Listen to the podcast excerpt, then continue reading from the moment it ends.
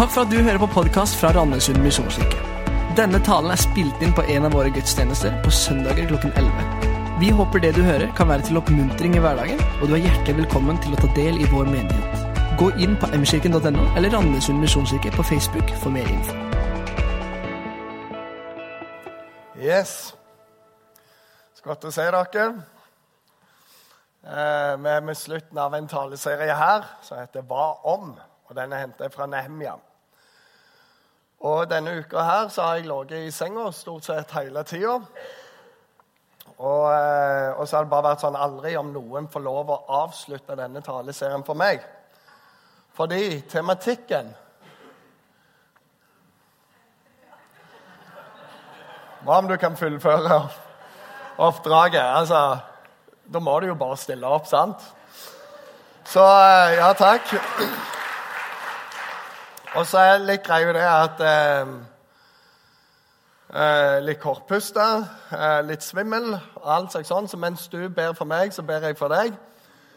Fordi det du skal få, det er Guds ord servert skikkelig. Og jeg tror i dag òg kommer det til å være veldig utfordrende. Du kommer til å treffe midt i planeten. Så, eh, så, min bønn for deg er at du faktisk er åpen for hva Gud kommer til å tale til deg. Og jeg tror noen av dere får det midt i fleisen. Okay? Så jeg er mer bekymra for deg enn for meg. For jeg står faller jeg, så reiser meg opp igjen. Så det går veldig bra for min del. Ok, Men historien er i hvert fall meg i Nehemjas bok. Eh, Israelsriket har gått ned, de er i fangenskap. De har revet ned murene rundt Jerusalem. Det lå i ruin i 140 år. Og i år 445 før Kristus så er det da bror til Nehemja som kommer sammen med noen kamerater. De reiste fra Jerusalem inn til borgens hus, hvor Nehemja jobber som munnskjenk for kongen. Og Så spør han hvordan står det til, og så sier han nei, det står jo ikke bra til. Muren er nede, folket har det utrolig vanskelig. Det er ingenting som bygger. Alt holdes nede. Og det tenner noe igjen. Trengte bare 140 år. Og så tennes det noe. og Sier dette holder jeg ikke ut. Han får dette hellige øyeblikket hvor Gud legger ned noe i ham. Og når Gud legger ned noe i deg, da skjer det noe. Og da handler det ikke om så mange ting som det ellers handler om, fordi det handler om Gud. Og man ser på derne. Det første Noen må gjøre noe med det, tenker Nehemia. Det kan like så gjerne være meg. Du kommer til et punkt der du slutter å lete etter alle de andre som burde ha gjort det, skulle ha gjort det. Der, der det bare får stupt inni meg sjøl. Jeg må gjøre noe med dette her. Og så så vi videre på, på dette at eh, du trenger ikke være den beste. Du trenger ikke være den mest kvalifiserte, den mest utdannede. Du trenger ikke være den flinkeste, du trenger bare å bry deg mest. De som bryr seg mest, gjør mest. De får det utroligste til, bare fordi det er en passion der og en drive der til å gjøre noe. Så ikke si etter den flinkeste, si etter den som har en nød som bare 'Dette må jeg'. Sist gang så, så vi på dette at eh, du opplever motstand. Du kommer til å oppleve motstand. Hver gang du gjør noe som Gud har lagt på hjertet ditt, så kommer du til å oppleve motstand. Men det er ikke fordi du gjør noe galt. Det er fordi du gjør noe rett. Og Vi så motstanderne. De ville ikke at murene skulle opp. De ville ikke at folket skulle bygge identitet igjen. De ville ikke at noe skulle bli sterkt. Du får motstand fordi du gjør noe riktig. Og I dag så er vi i kapittel 6. Og det vi skal se på, det er dette her. Jo nærmere du er fullføre det vil, Gud vil ha gjort, jo hardere vil fienden din kjempe for å stoppe deg. Jo nærmere, jo hardere. Den siste kamp er rett før målstreken. Og det er av og til den skitneste, den vanskeligste. Men de gjør hva som helst for at du skal mislykkes. Og vi som trodde at det sist gang var den vanskelige talen, men vi kommer nok i mål her i dag, for vi skulle jo fullføre dette her. Og vi leser i Guds ord, det står dette i Nehemia 6, vers 1. Sambalat, Tobia og araberen Geshem og de andre fiendene våre fikk høre at jeg hadde bygd muren opp igjen, og det fantes ikke brist i den lenger. Men ennå hadde jeg ikke satt dører i portene. Muren var bygd opp. Alt var ferdig, unntatt selve portene som kan stenge fienden ute, som kan gjøre det trygt, som kan regulere alt som går inn og ut av byen. Alt annet er ferdig.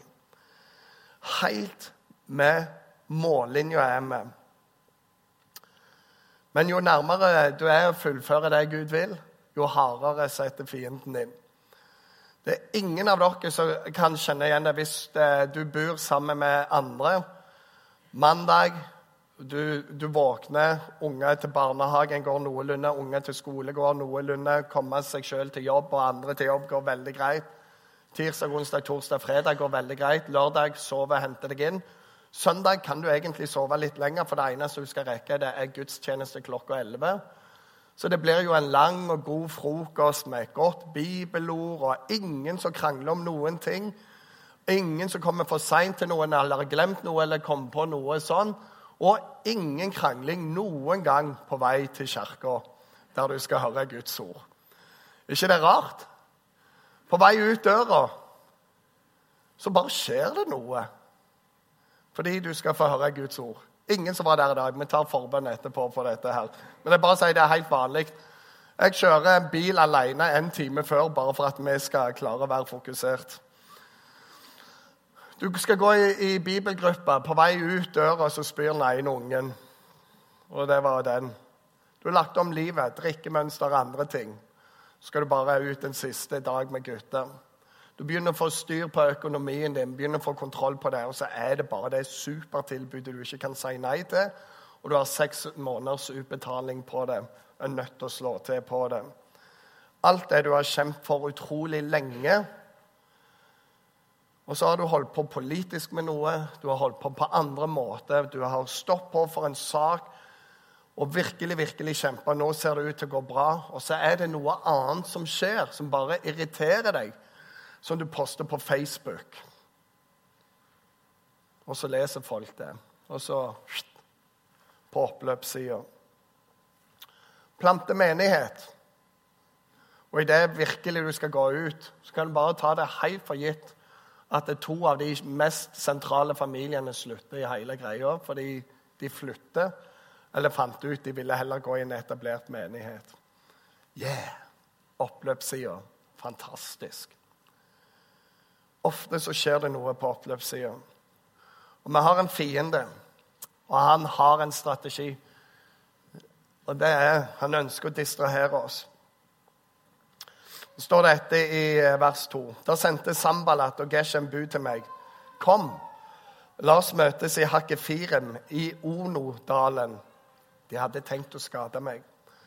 Og det er klart, Hvis du leser dette på, på engelsk, så Ono Valley, så er det Oh No Valley. Og du går aldri til Oh No. Og der må du bare si Oh No. ok? Så Ono, Oh No. Og greia er at Han prøver å distrahere når han ser dette går veldig bra.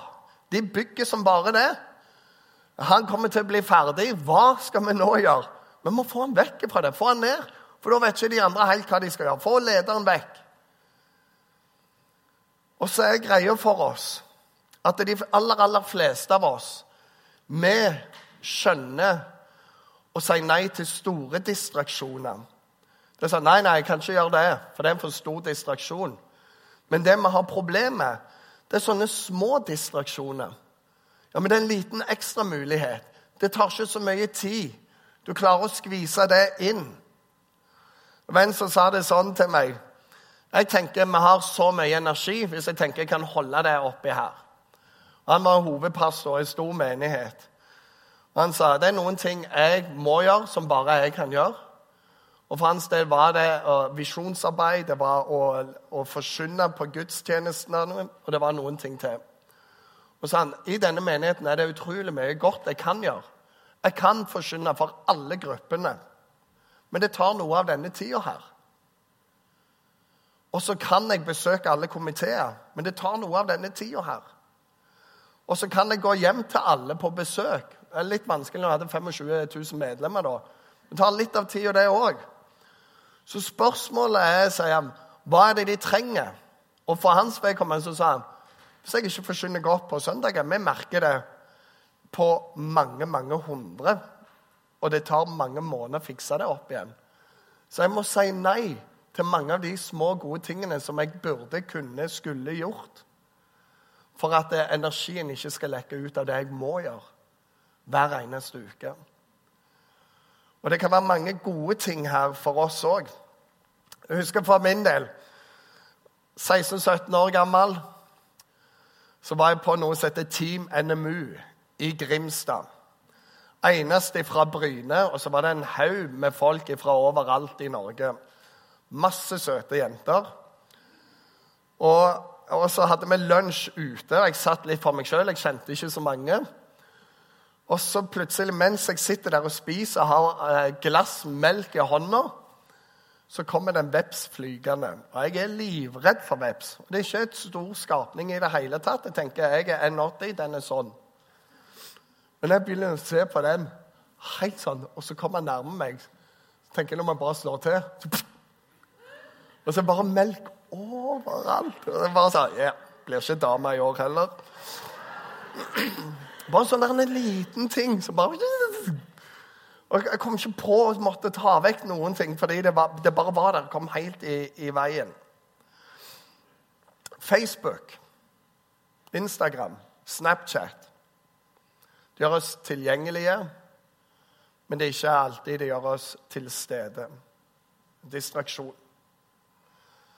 Hvis du har gjort det bra, så får du tilbud om å sitte i all slags styrer og all slags verd. Det får deg til å være viktig, men det er ikke sikkert det får det du må gjøre, gjort. Sesongbilletter er veldig bra. Nå er Start oppe igjen. Det blir festsesong. Men, eh, men hvor var Gud? Hvor var menigheten oppi det? Var det viktig å gå på møte for deg? Og Hvis du har barn og mener at det er utrolig viktig at de går på møte, ja, men de ser på deg. For du kan ikke forvente at de går mer enn hva du gjør. Det er et utrolig gode. Men er det det som styrer kalenderen din? Eller er det du som styrer den? Er det de prioriteringene du har satt? Vi i Norge vi er glad i skisesong. Hvor, hvor er Gud oppi det? Hvor er menighet oppi det? Hva trumfer hva? Det er ikke de store distraksjonene. Det er ikke de store ondene. Det er ofte disse små godene som ikke klarer å styre i, i rekkefølgen. Du har en tid. Hva er det som spiser den? Du har en mengde energi. Hva er det som bruker det opp? Og Jeg sier ikke at det er synd å ha sesongbillett. Jeg sier bare at du burde ha delt litt med pastoren din. Nei da. Du skjønner hva jeg sier. Det er små distraksjoner som kan gjøre utrolig mye. Det fins et motsvar til dette her. Og det er 'jeg kom ikke ned'. Så jeg kom ned. Kom ned med å snakke.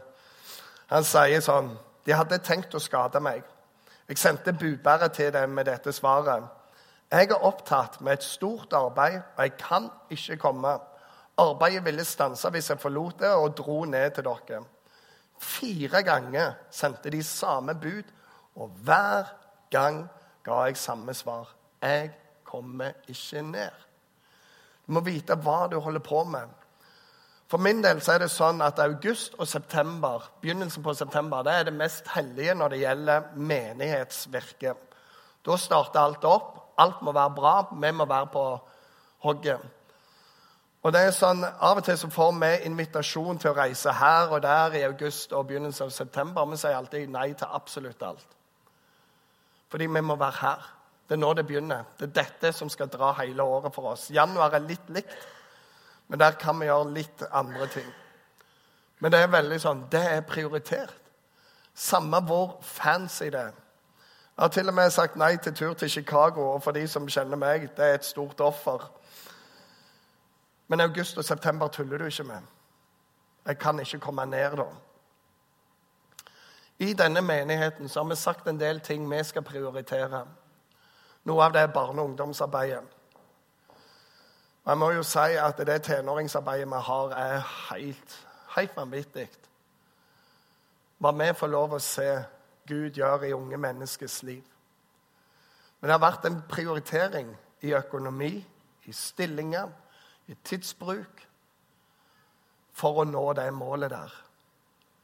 Det er mange ting vi kunne ha gjort. Vi kunne hatt utrolig mange konserter. Vi har en kul en i januar. Men vi har sagt møtene og onsdagene er viktigere, for det er disippelgjørende. Og vi kunne ha arrangert veldig mange ting sånn og sånn og sånn, men igjen, det stjeler av energien, det stjeler av tida, og det ville gitt mindre kraft og styrke til ungdomsarbeidet. Og vi sier nei til sånne ting. Og vi sier 'jeg kommer ikke ned', for det vi holder på med, er viktig. Gudstjenestearbeid er viktig. Det er en del ting vi har sagt det er viktig. Og så er det mange andre ting som er bra ting, som er gode ting for Guds rike, men det er ikke vårt oppdrag. Det er andre sitt oppdrag. Av og til så sender vi folk til andre plasser, for det er bra. Vi trenger ikke lage en 40 dagers bibelskole når Frikirka gjør det utrolig bra. Og Noen av dere har gått på det, noen går på det, og vi syns det er helt fantastisk. Men vi skal ikke gjøre det, for de gjør det bra. Så skal vi gjøre det som vi har sagt. Det opplever vi Gud har kalt oss til. Jeg kommer ikke ned. Og Her er noe av greia oppi dette. Bare fordi du kan, så betyr det ikke at du skal. Bare fordi du kan, betyr ikke at du skal. Gjør noen ting skikkelig. Og For noen så er det faser. Når du oppdrar små barn og det, det, krever mye hjemme, så er det mye du må si nei til. Noen ting som må være på vent. Jeg kan ikke komme ned. For akkurat nå så er det viktigst at barna mine får en god oppvekst. At Jesus er i hjemmet vårt sammen. At vi prioriterer noen ting. Jeg holder på med en bachelor eller jeg holder på med en master. Jeg kan ikke komme ned, for jeg må gjøre det. For den, den utdanninga der den skal jeg ha med meg resten av livet. Og akkurat nå er den viktig. Jeg jobber med å få kontroll på økonomien. Så jeg sier nei til de tilbudene. Jeg kommer ikke ned. Jeg har noe som er viktig. Jeg har en kompis som jobbet i Kirkens ungdomsprosjekt, KUP og fantastisk. Og han var Hver eneste torsdag var han der. Han ble spurt i bursdager, i hva som helst. Han sa alltid 'Jeg kommer ikke, for jeg er på kupp'.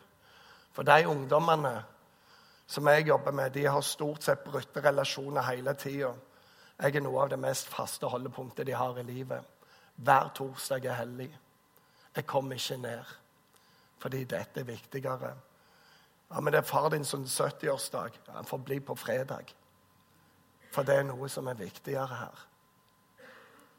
De trenger å se stødig kjærlighet prioritert opp og ikke prioritert ned. Ikke en unnskyldning, men virkelig en grunn til. Han er helt fantastisk. Jeg kommer ikke ned. Så Det andre ting en fiende vil prøve på, det er å diskreditere deg. Og gjør det spesielt på to måter her. Ved å spre rykte. Det er jo fantastisk når folk sprer rykter om oss. Sambalat sendte tjeneren sin til meg med samme bud for femte gang. Nå med et åpent brev i hånden. Det er som å skrive på veggen på Facebook 'åpent brev'. Det er Facebook, åpent, alle kan lese det. Der sto det skrevet Folkeslagene har fått høre, og Geshem stadfester det, at du og judeerne tenker på å gjøre opprør, og at det er derfor du bygger muren. Det sies at du vil være kongen deres. Du skal til og med ha satt profeter til å rope om deg i Jerusalem. En konge av Juda! Dette vil kongen nå få høre. Kom derfor ned og la oss rådslå om saken. Og det er reinspikka løgn. Alt er løgn som kommer her. For hvis du har lest i teksten, så kunne han utnytta sin posisjon av å være i kongens tjeneste. Han sa ifra seg alt. Han skulle ha lønn, han sa ifra seg det. Han hadde ingen landeiendom, han hadde ingen personlig gevinst av å bygge opp muren i det hele tatt. Og det var sånn at Noen jøder hadde tatt eh, fordel av andre, og han går inn og sier sånn må det ikke være. Og så gir han avkall på alt sitt, sier sånn må dere òg gjøre. Han hadde ingenting igjen for dette, annet enn han måtte bygge en mur.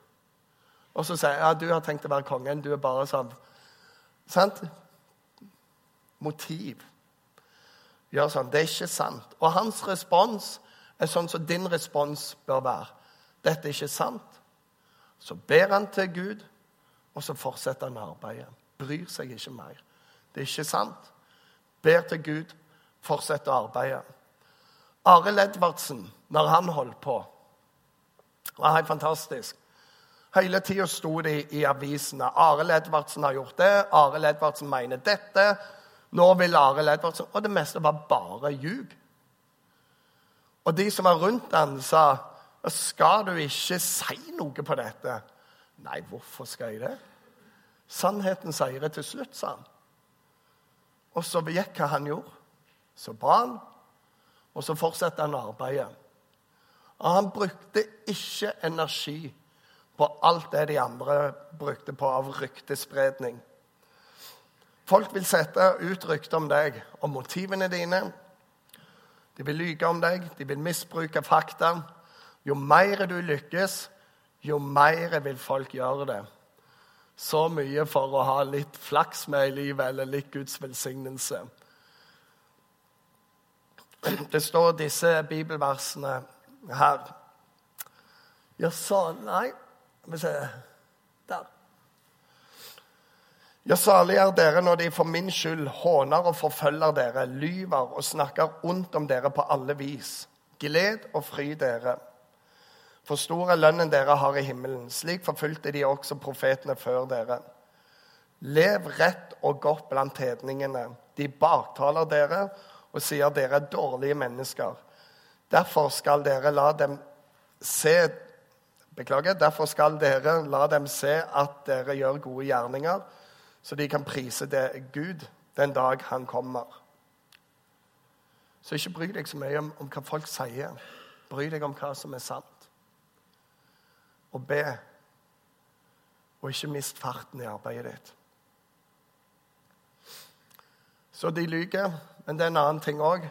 Og det er at det, de vil friste deg til å inngå kompromiss. Står dette Shema eh, sa La oss møtes i Guds hus, midt i tempelet.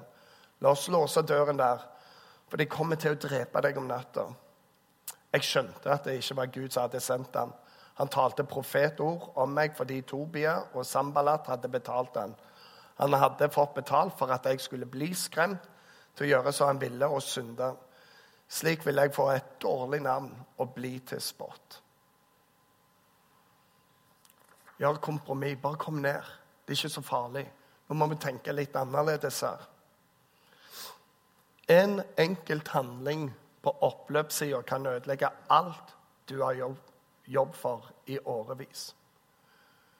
Det tar år å bygge tillit. Det tar sekunder å bryte det ned. Så har du stopp på og stopp på i jobben din. Vært virkelig bra, fått mye skryt fordi du er ærlig, fordi du er god, fordi du viser noe av Kristi karakter.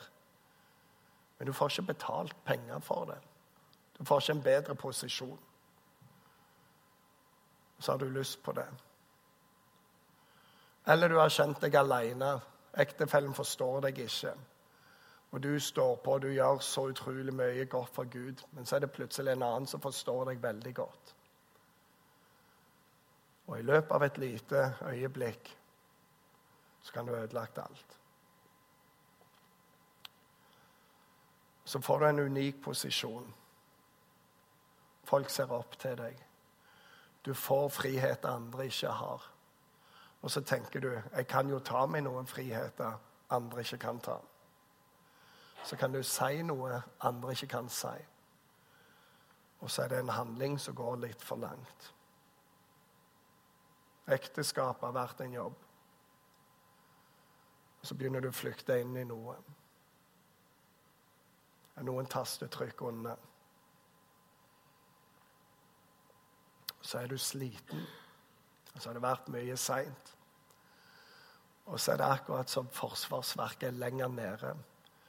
Og så kommer vi av og til inn i dette med at vi syns synd på oss sjøl. Jeg fortjener bedre og så skrur vi av noe på oppløpssida. Idet du er i ferd med å lykkes, så bare slutter det.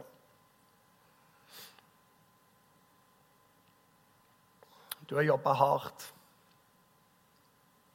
lenge for kirka, for plantinga, for en god sak. Og når du er sliten, så er det en som kommer og gir deg ei skyllebøtte som du ikke fortjener. Men så er forsvarsverket ditt så nede at du svarer tilbake med alt du har. Og det er ti år oppbygd irritasjon. Og alt er bare på oppløpssida. Én en enkelt handling kan ødelegge så utrolig mye. Jo nærmere du kommer målet, jo hardere vil du bli angrepet. Jo større kan fallet være. Og han sier, 'Bare kom ned i tempelet. Kom ned. La oss gjemme oss der. Det er nok best.' Kong Saul, han var i krig, og profeten Samuel sa, 'Vent på meg, så skal jeg komme. Så skal jeg hjelpe deg.' Ikke begynn ofringa før jeg kommer. Men så kom ikke Samuel til avtalt tid. Og folk var livredd, for fienden var mange. Han begynner å se seg rundt. og Nå må jeg gjøre noe. Nå må jeg redde situasjonen.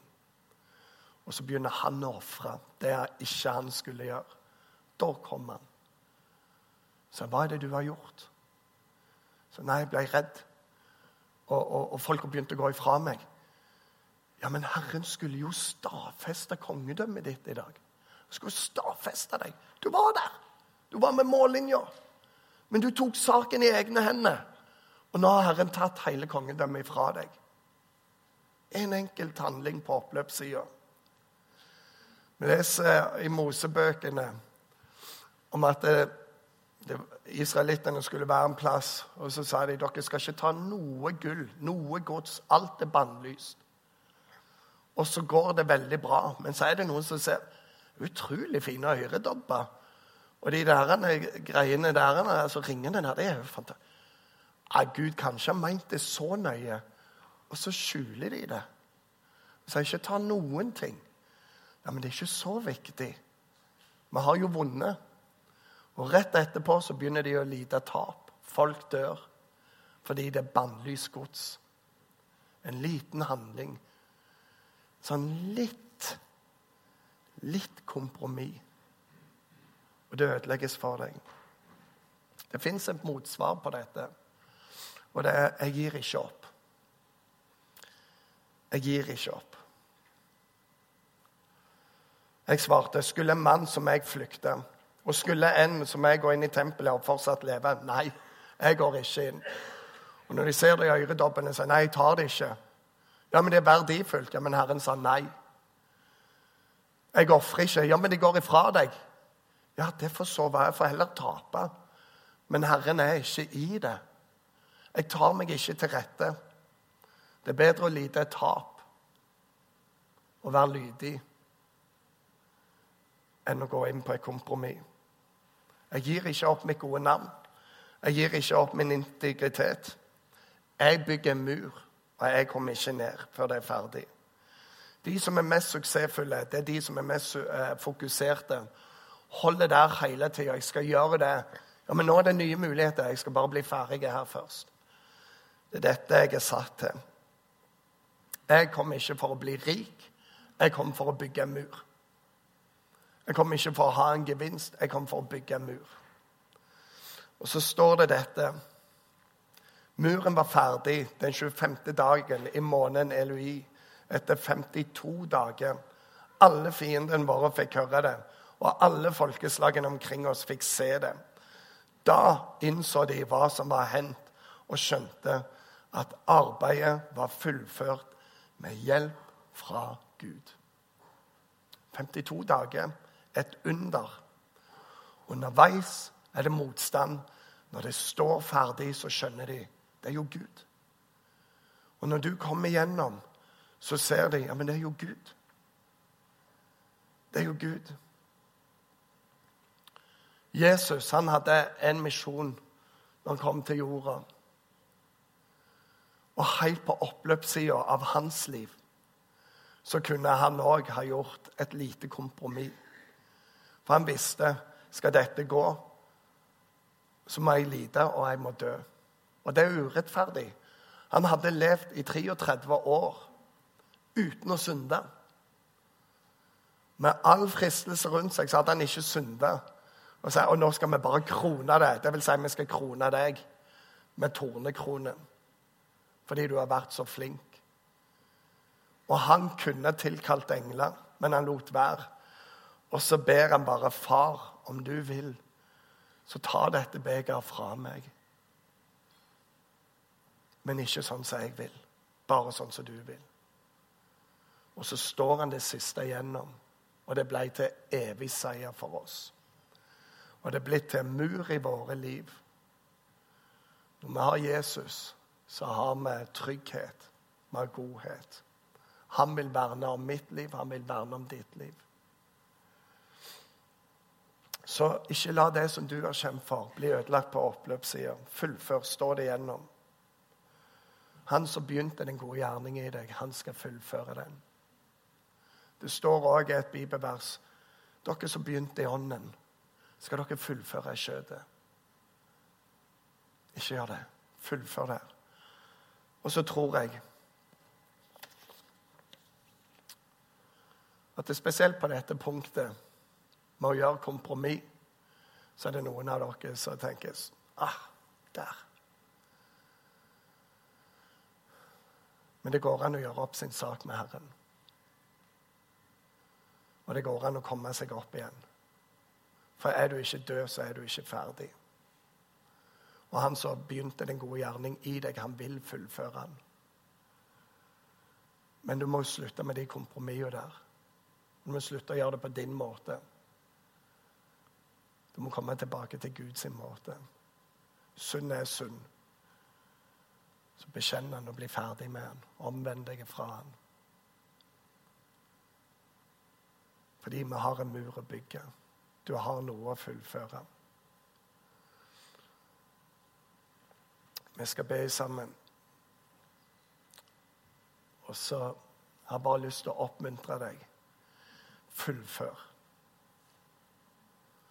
Og Noen av dere akkurat nå ligger du nede, og noe kan være din feil fordi du responderte feil. Men kom deg opp igjen. Av og til så sier vi det om ledere. Du ser ikke hvor store de er, med hvor, hvor, hvor bra de gjør ting. Du ser av og til størrelsen på en leder når de har gjort noe feil, og hva de gjør etterpå feilen. For noen fortsetter bare å grave seg ned, mens andre de reiser seg igjen. Så kan en si det var feil. Nå går vi videre. Det er en annen respekt med det. Så gled deg ikke over meg, min fiende. For faller jeg, så står jeg opp igjen. Og vandrer jeg i skyggen, så er Herre mitt lys. Og det gjelder ditt liv. Skal vi be. Himmelske Far, jeg takker deg for denne historien. Jeg takker deg for at han fullfører på 52 dager. Jeg takker deg for at vi kan lære noe inn til slutten her. Så er det motstand. Men han står igjennom. Og Herre, jeg ber for oss om at du må hjelpe oss til å stå igjennom. Jeg takker deg for du ser de som Det har gått feil. Det har vært kompromiss. Disse løgnene har gjort oss vondt. Og det har ført til at vi slutter å jobbe. Herre, hjelp oss opp igjen. Hjelp oss å fullføre. Jeg ber om det i Jesu Kristi navn. I Jesu navn.